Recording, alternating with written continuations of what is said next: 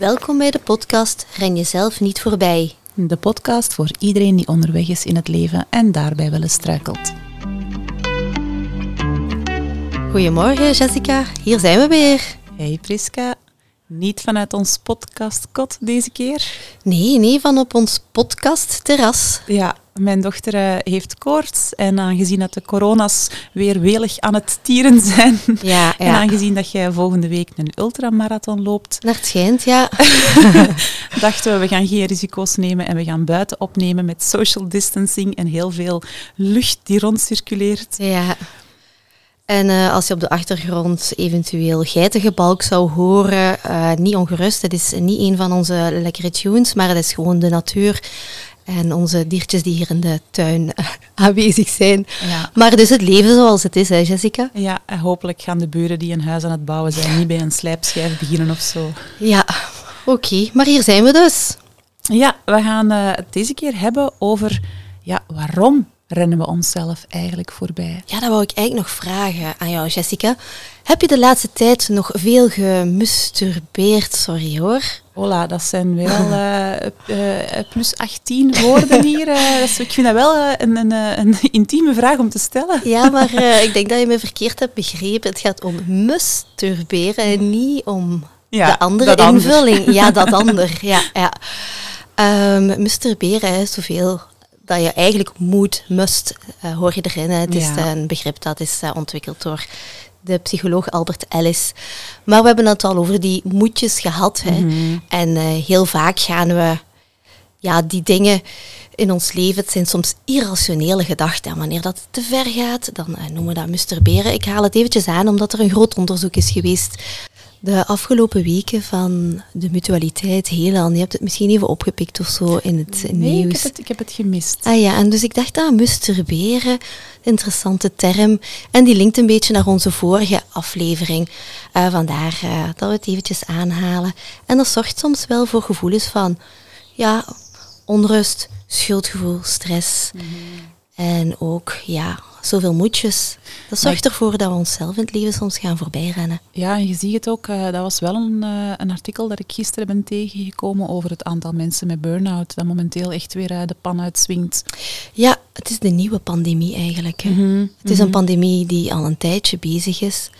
En we zien het overal opduiken. We kennen heel veel mensen die ondertussen wel hoge gevoelens van stress hebben, die we zelf ook al wel eens hebben ervaren. Mhm. Maar ehm, ik heb het gevoel dat ondertussen zelfs de sterkste schouders een beetje aan het eh, breken zijn. Ja. Vind ik wel. eh, Ja, er is Ja. een ongelooflijke druk in de maatschappij om, om te presteren. We moeten inderdaad allemaal veel. eh, er zijn ook heel weinig mensen die nog ja, gewoon na het werk de deur dichttrekken en, en dan is het gedaan.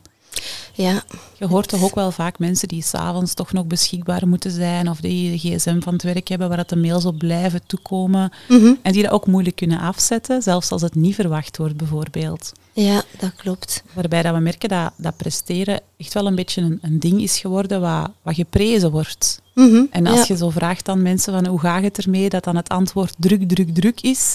En dat we dat ook allemaal precies maar normaal vinden. Ja, klopt. Hè. Het wordt ook een beetje ons wel wat, ja, niet door de strot geduwd. Je kan nog altijd met je eigen tijd doen wat dat je wil. Maar er zijn heel veel externe factoren die ons wel helpen, zal ik zeggen. Of helpen, ja. Ja, tegenwerken. tegenwerken.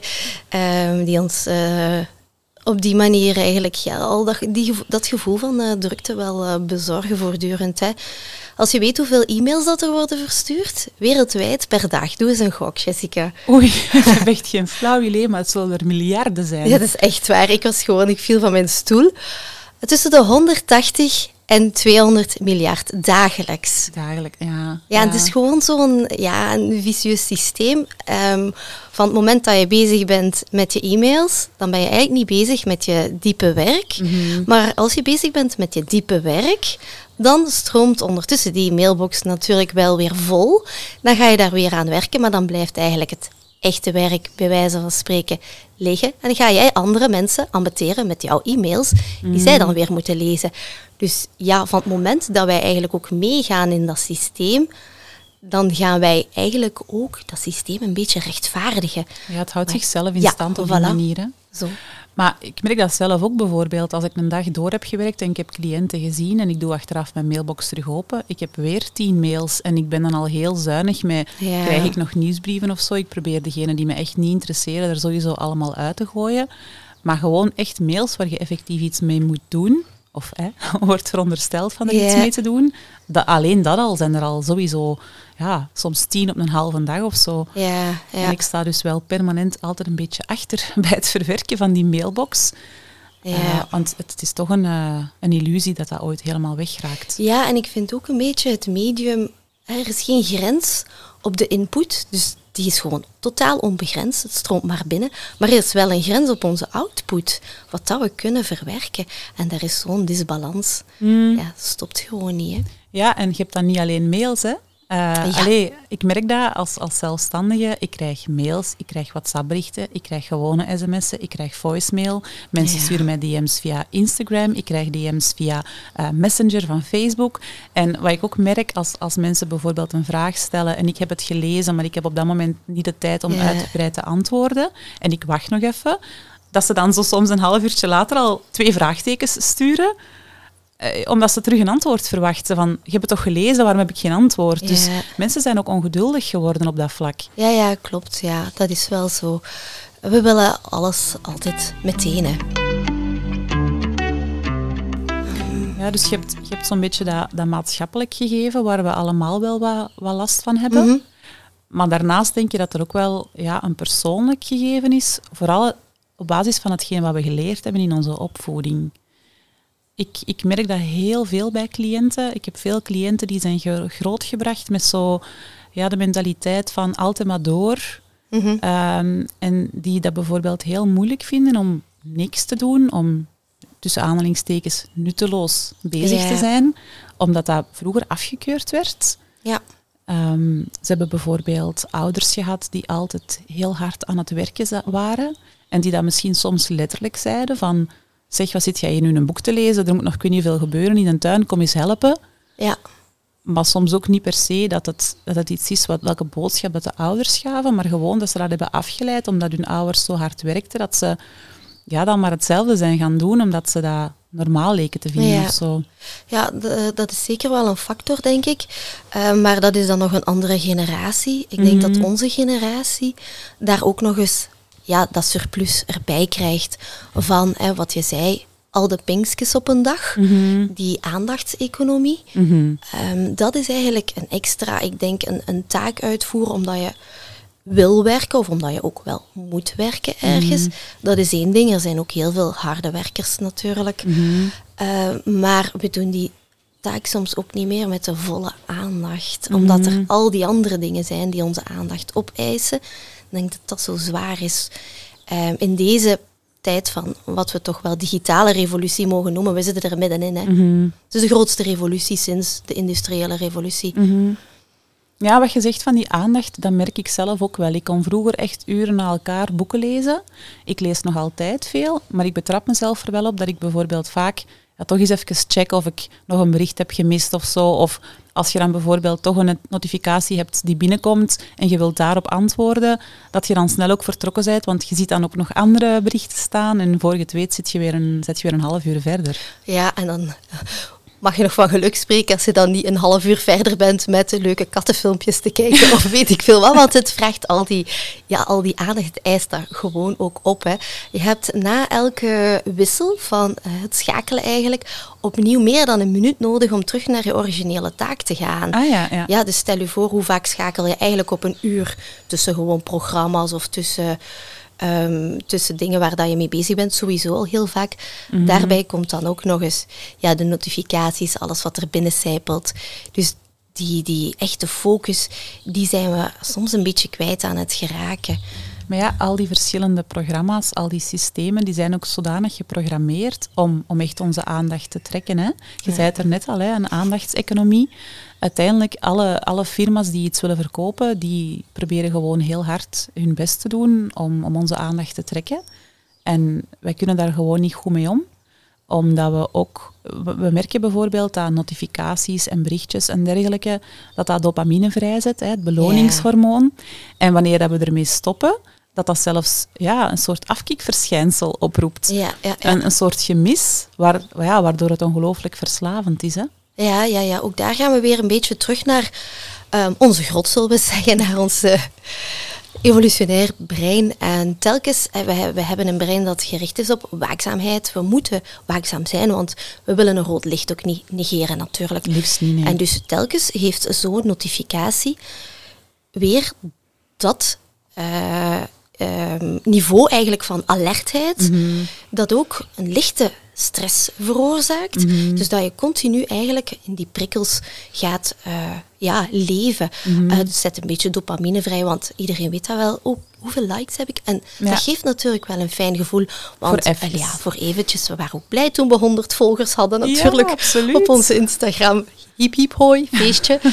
maar ja, het is telkens dat niveau eigenlijk dat je kortstondig eventjes haalt. Mm -hmm. En dat, dat geeft uh, onbewust, we voelen dat niet altijd, ja, dat geeft toch wel onbewust een, een, een niveau van, van stress. Ik denk dat we dat niet mogen onderschatten, hoe dat, dat eigenlijk uh, een impact heeft. Uh, ik weet bijvoorbeeld dat mijn ouders, um, die komen um, ook uit een uh, eigen zaak, een uh, antiekwinkel hadden die. Dus uh, lekker rustig leven tussen de porseleinen kopjes en stoffige kastjes. en en wel, dat ging nog in de jaren 80 en begin mm. jaren 90 zo. En die waren dan zo trots, want ja, hun dochter die ging achter de computer werken. He, dus allee, je ziet, uh, vaak probeer je misschien uit te leggen aan, aan mensen wat dat je doet. Uh, aan een oudere generatie. En zeggen, ja, maar die werkt achter de computer. Weten dan eigenlijk niet van, oké, okay, nee. waar zijn die mensen eigenlijk zo echt mee bezig? Mm -hmm. En dan merk je wel dat die uh, kloof tussen de verschillende generaties wel een beetje groter is uh, geworden. Mm -hmm. um, en uh, ja, de tijd waarin dat wij nu staan, dat het niet zo eenvoudig is.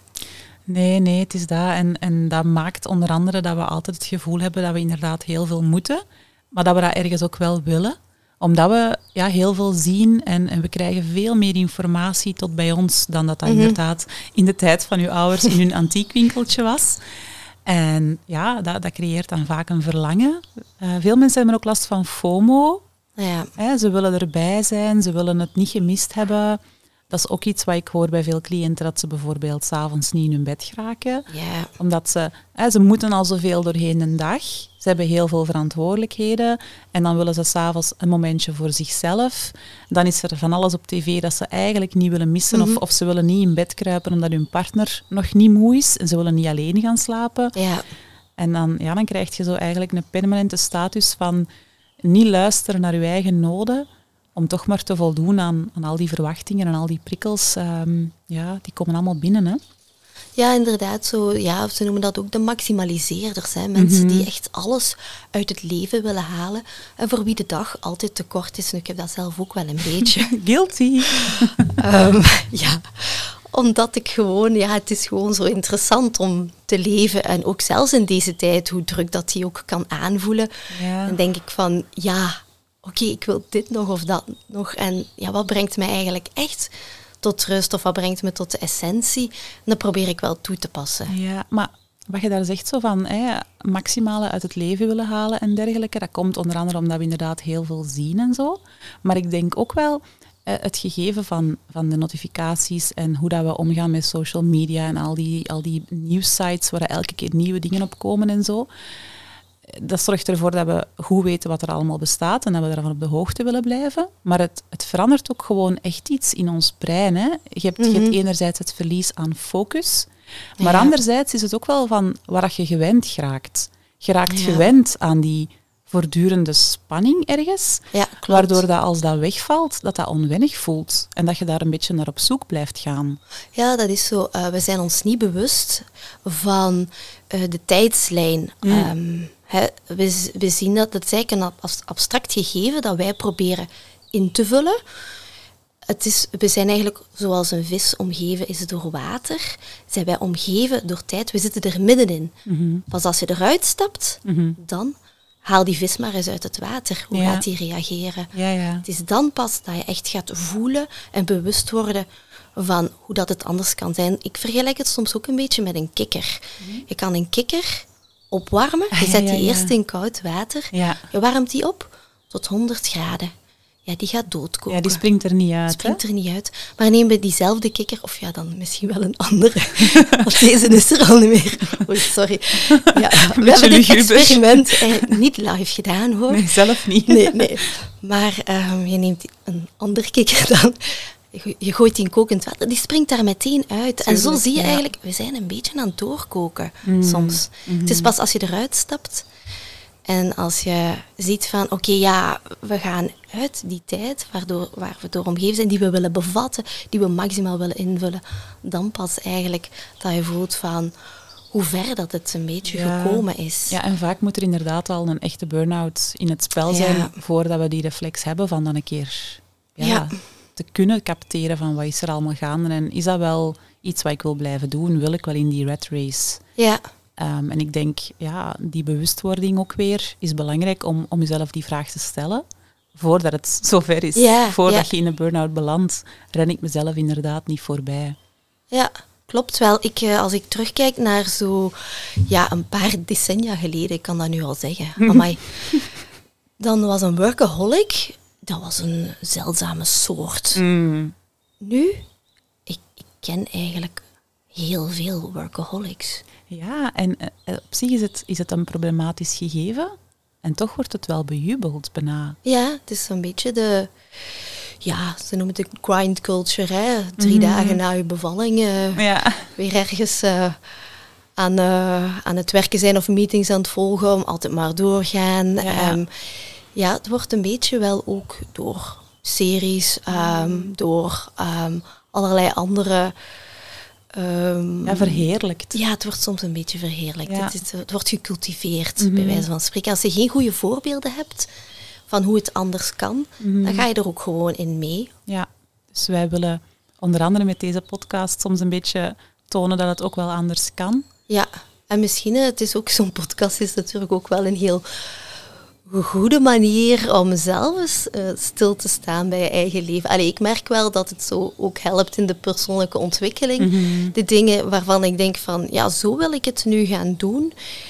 Um, dat ik die hierdoor ook wel vaker ga proberen toe te passen. Ja, en, en, en bepaalde dingen in de vraag blijven stellen. Ja. Ja. ja. ja je hebt, dan, je hebt inderdaad het gegeven van de maatschappelijke druk. Je hebt het gegeven van wat dat je geleerd hebt in je opvoeding. Maar een ander gegeven dat ik ook wel merk bij cliënten, en dat is iets wat ik, wat ik heel veel ben tegengekomen in mijn opleiding tot contextueel gedragstherapeut, is zo het feit hoe altijd maar blijven doorgaan ook een vermijdingsstrategie kan zijn. Ja. Um, zolang dat je bezig blijft, in actie blijft, je aandacht richt op externe dingen, hoeft je niet stil te vallen en stil te staan bij jezelf. Wat, wat soms inderdaad ja, manier kan zijn als een soort van bliksemafleider voor, voor moeilijke dingen, voor bepaalde confrontatie met. er lopen bepaalde delen in je leven niet zoals je zou willen. En dat is moeilijk om daar actie in te ondernemen. Dus je, je richt dan eigenlijk je focus op andere dingen en je gaat daar heel hard in hollen. Ja. Omdat je dan niet hoeft geconfronteerd te worden met het feit dat je bijvoorbeeld niet gelukkig bent in je relatie of, of op je werk. Een vorm van escapisme eigenlijk. Ja, absoluut. Mensen hebben graag controle, hebben graag het gevoel dat ze controle hebben. En wanneer we, ja, je ziet dat bijvoorbeeld ook bij, bij kinderen van een echtscheiding, dus dat, dat wordt ervaren als iets waar je totaal geen controle over hebt. Mhm. En dan ontwikkelen kinderen soms inderdaad bepaald gedrag wat, wat op zich niet helpend is, maar mhm. waarbij dat ze toch een beetje de illusie hebben van controle. Hè. Bijvoorbeeld eetstoornissen of iets, is dat soms wel ontwikkeld eh, na zo een, een gevoel van hulpeloosheid, ja. waar we moeilijk mee om kunnen. En dan gaan we controle zoeken in iets anders. Ja. En altijd maar bezig zijn, altijd maar rennen. Ja, dat zorgt er gewoon voor dat we afgeleid zijn van, van eventuele moeilijke gevoelens, twijfels over eh, onze situatie of, of ook wel twijfels over wie we zijn. Ja. En, en dat hangt dan ook weer samen met dat nuttig willen zijn. Ik ben alleen maar iemand, ik ben alleen maar de moeite waard wanneer ik goed werk lever, wanneer ik presteer, wanneer ik uh, zorg voor andere mensen bijvoorbeeld, wanneer ik er altijd ben voor andere mensen. Want als ik dat niet doe, ja, wie ben ik dan? Wat ben ik dan waard? Ja. Dus uh, zou je ook zeggen, bijvoorbeeld mensen met uh, ja, toch wel een trauma of traumatische ervaringen, ja. zoals een, een, een, scheiding dat ook kan zijn, of een groot verlies. Ja. Ehm, langs de ene kant denk ik dan, als je zo ergens iets hebt waarin dat je een beetje kan wentelen of kan vluchten, helpt dat niet een beetje om dat dan, of werkt het anders? Goh, ja, dat hangt er een beetje vanaf in welke mate en met welke intensiteit dat dat gebeurt. Hè. Wanneer je moeilijke perioden hebt doorgemaakt, kan het wel heel helend zijn om dingen te gaan doen die je een beter gevoel geven. Mhm. Zoals bijvoorbeeld gaan lopen. Ehm, letterlijk lopen, Ja, hardlopen. maar het is, het is iets anders wanneer je bij wijze van spreken elke dag moet 20 kilometer lopen Ja, ja. om nog te Mhm. kunnen dealen met hetgeen wat er thuis speelt, Ja, bijvoorbeeld. waar. Dan wordt dan- het problematisch, omdat je dan ook een beetje last gaat beginnen krijgen van hetgene wat je gebruikt als strategie om je af te leiden. Ja, inderdaad. Dat zijn Dus een dan beetje- echt wel obsessieve Voilà. copingstrategieën. Ja, een beetje vermijding, een beetje niet moeten dealen met de dingen die, die momenteel spelen, hoeft niet per se een probleem te zijn. Het is de mate waarin dat, het, eh, dat je het doet, dat eventueel een probleem kan vormen. En ook wel inderdaad, hè, wanneer je steeds weer bepaalde moeilijke emoties vermijdt, krijg je er meer schrik van, steeds meer schrik van. En heb je op een duur helemaal niet meer het gevoel dat je iets van ongemakkelijke gevoelens nog kunt dragen. Ja. En moet je dus steeds vaker en harder je, je strategieën toepassen om Ja. ervan weg te blijven. Ja, Ehm, dat is ook wel iets wat interessant is, wat dat je zei. Ehm, als we kijken naar ehm, het niveau van happiness of geluk dat je moet bereiken. En je zei daarnet van... moet. Ja, moet, hè. Ja. Je zei daarnet van eh, weglopen van negatieve gevoelens. We doen dat wel. Alles is één grote eh, happiness factory tegenwoordig. Maar eh, Mhm. als je dan eh, kijkt naar wat Dirk de Wachter daarover zegt, Ja. dat is wel heel interessant. Je mag echt wel een keer ongelukkig zijn. Het is Ja. oké om die gevoelens wel te hebben Ja. en om dat, om dat ook te tonen. En dat heel de gezond. lastigheid van het leven. Ja, hè? zo mooi, Ja, hè? mooi gezegd. Hè? Ja, de lastigheid van het leven en dat niet alles leukigheden zijn. Tuurlijk niet, tuurlijk niet. En, en, maar dat hangt ook weer samen met dat gegeven van social media en zo. We denken dat het zo hoort van ons altijd maar gelukkig te voelen. Hè? Mhm. En, en er bestaan heel veel boeken over gelukkiger worden en eh, inderdaad alles uit het leven halen en zo. En dat, dat houdt voor mij een beetje een fout beeld omhoog van hoe het kan zijn. Ja. Sommige dingen zijn moeilijk en als je strategieën blijft toepassen om die niet te moeten voelen, ja, gaat je er steeds meer last van krijgen. Want die gevoelens duiken uiteindelijk op een bepaald moment soms toch wel op. Vaak in de vorm van inderdaad burn-out of stress, eh, die je Mhm. niet meer te baas kunt. Je lichaam weet wel wat er aan het gebeuren is. Je kunt dat soms met je hoofd wel wat negeren, maar je lijf gaat dat op een bepaald moment wel laten voelen van hallo, Ja. ik voel hier iets, mag ik? Ja, dus dat. En als je dan echt bewust kunt zijn van, oké, ik voel me vandaag verdrietig en ik ga dit ook gewoon even toelaten. ja. Dat creëert zoveel ruimte voor jezelf. Mhm. Als je dan eventjes de agenda kan aanpassen Mhm. en dat gewoon een plaatsje geven in je leven. Ja. Ja. dat betekent al zoveel meer dan toch wel door te gaan en dan toch te zeggen, nee, ik ga vandaag nog en eh, lopen en de meeting en de agenda afwerken Mm. en ik moet nog schilderen met mijn kind en ik moet... Ja, moet, moet, moet. Gaan Ja. we weer. Hè? Ja, gaan we weer masturberen. Ja, voilà. Ja, en daar- daarnet zei je nog van dat trauma. Hè? En ik denk dat dat een belangrijk gegeven is van... Als jij merkt dat je inderdaad altijd maar door, door, door... En dat, dat onrust iets is geworden eh, wat precies de norm is. En dat je bij wijze van spreken onrustig wordt net van rust. Ja, dan, dan kun je wel de vraag stellen van, van waar komt dat eventueel? En is er inderdaad een manier om daar beter mee om te gaan? Ja, En dat zien we inderdaad wel bij, bij mensen die trauma hebben meegemaakt, zeker wanneer dat nog op jonge leeftijd was. mhm. Ja, dat, dat zenuwstelsel raakt een soort van permanent ontregeld. ja. En ze zijn een beetje verslaafd aan, aan dat gevoel van onrust. En Ja. ze vertrouwen rust niet. Maar er zijn gelukkig natuurlijk wel manieren eh, in traumaverwerkingstherapie.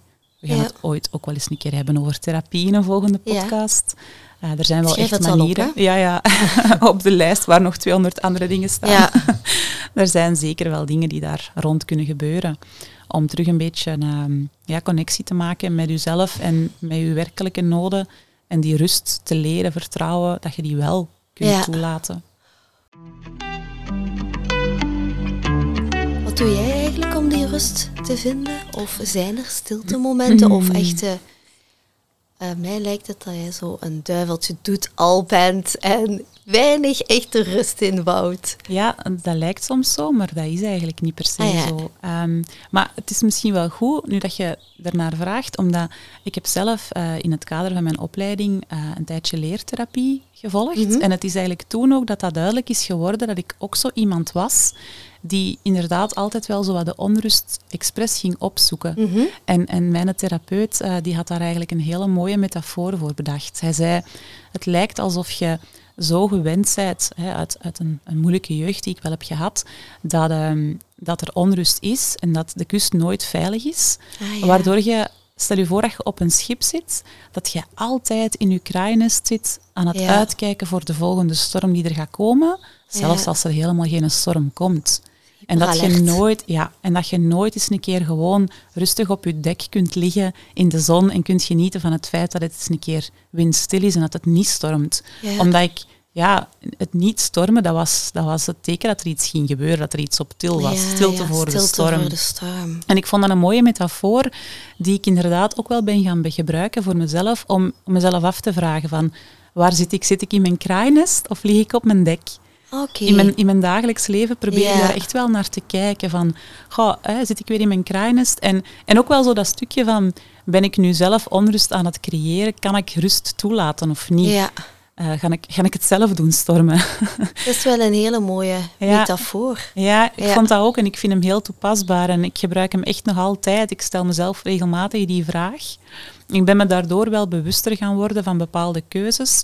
En het gebeurt inderdaad dat ik soms geneigd ben om iets te gaan doen waarvan ik voel, ga, maar dat gaat mij zoveel extra stress opleveren. Mhm. en, en hoewel heel veel stukjes in mijn hoofd zeggen, ja, leuk, nieuw project doen, kies ik er toch bewust voor om het dan niet te doen. Ja, Waarbij dat deze podcast dan weer iets was waar ik van voelde, maar dat is goed, want het gaat me inderdaad doen stilstaan. Ehm, ja, wat ik wel en niet wil doen. ja. En dat houdt mij op die manier wel, wel bewust. Ja.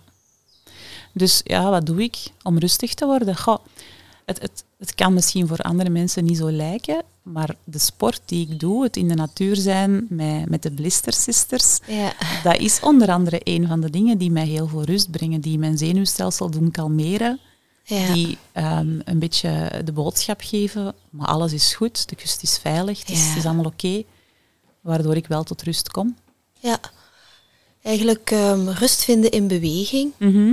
rust vinden in de natuur. En connectie met anderen. Ja, verbinding zoeken, hè. zowel met de natuur als, als met anderen. Ik denk dat Mhm. dat wel belangrijk is. En met anderen, ja, dat hoeft dan niet met 20.000 anderen te zijn op het concert van Billie Eilish bijvoorbeeld. Maar, hè, maar eh, inderdaad, die, die diepere Ja. connectie. En niks tegen Billie Eilish of zo. Hè. nee. Maar ehm, ja, voor mij werkt dat ook zo. Die natuurverbinding, eh, Mhm. dat is iets dat heel belangrijk is in mijn leven. En ik merk wel eh, dat die connectie beter en beter wordt. Mhm. Dat ik voel van, oké, die dingen werken voor mij. En eh, daar is ook heel veel onderzoek naar gedaan over hoe dat de natuur eigenlijk werkt op het menselijke brein. Er zijn heel veel repetitieve elementen. En ook de kleur groen op zich is een heel rustgevende kleur. Dus er zijn zoveel aspecten van het in de natuur zijn. Ehm, ook bewegen op zich, wandelen. Mhm. Dat kan echt wel iedereen. Het hoeft daarom niet lopen te zijn, maar wandelen is ook, geeft het signaal van ik ga wel voorwaarts. Het is een positief signaal van vooruit te gaan. Je kan ook stilstaan tijdens het wandelen, dat mag zeker.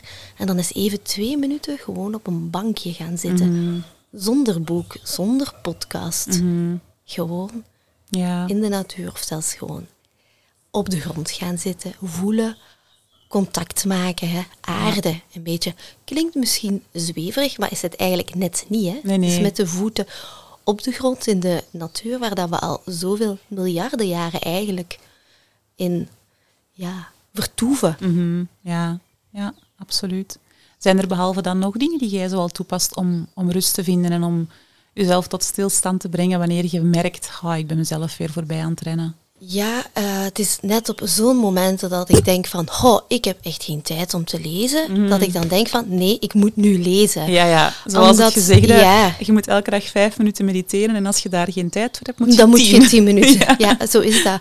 Dus ja, voor mij is lezen ook wel een vorm van meditatie. Natuurlijk is, uh, je zet je brein wel in werking. Het is niet echt helemaal waar, want je gaat dan soms bij op een spoor vertrokken en dan ga ik dan weer iets opzoeken en dan verder en dan...